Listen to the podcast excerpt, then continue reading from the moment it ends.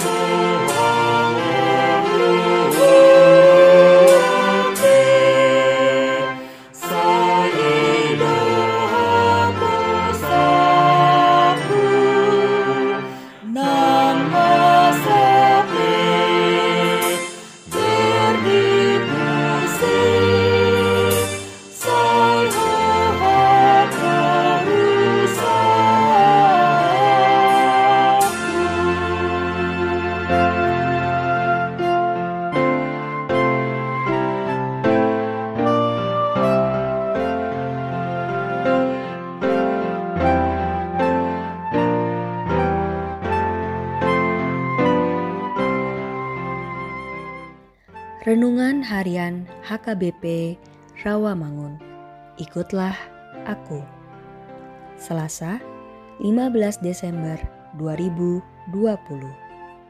Tuhan menjadikan kita lebih berharga.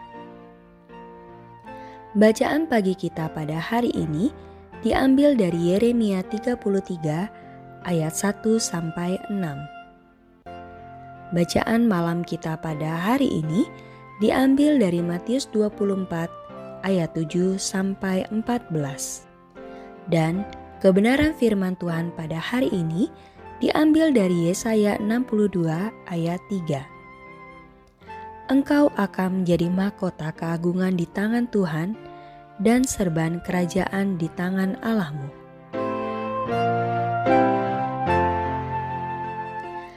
Nabi Yesaya menekankan bahwa semuanya akan baik-baik saja.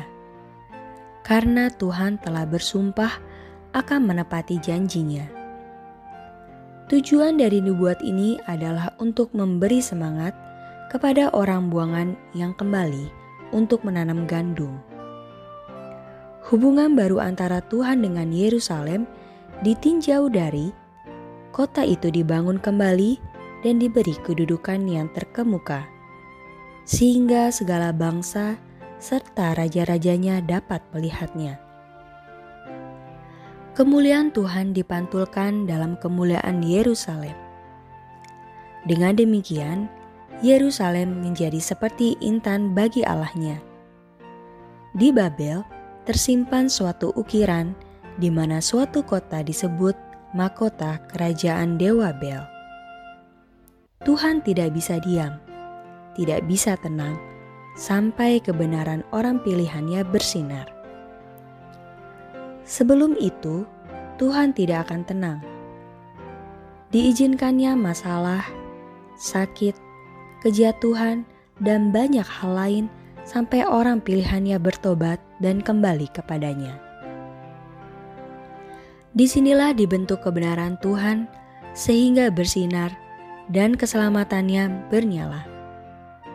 Karena yang Tuhan mau dari umat pilihannya adalah agar mereka dipertontonkan kepada bangsa-bangsa, sehingga raja-raja juga penguasa-penguasa melihat dan menghargainya.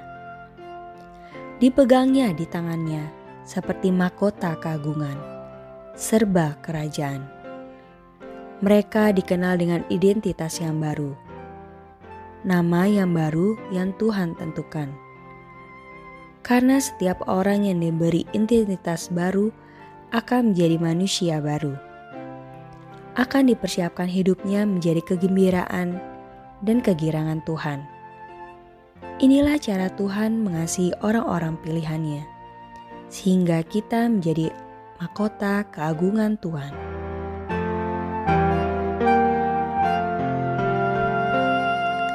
Ya Tuhan, pakailah hidup kami agar dapat menjadi alatmu untuk mampu melakukan kebenaranmu. Agar nama Tuhan selalu dipermuliakan melalui pekerjaan dan pelayanan kami untuk Tuhan. Amin.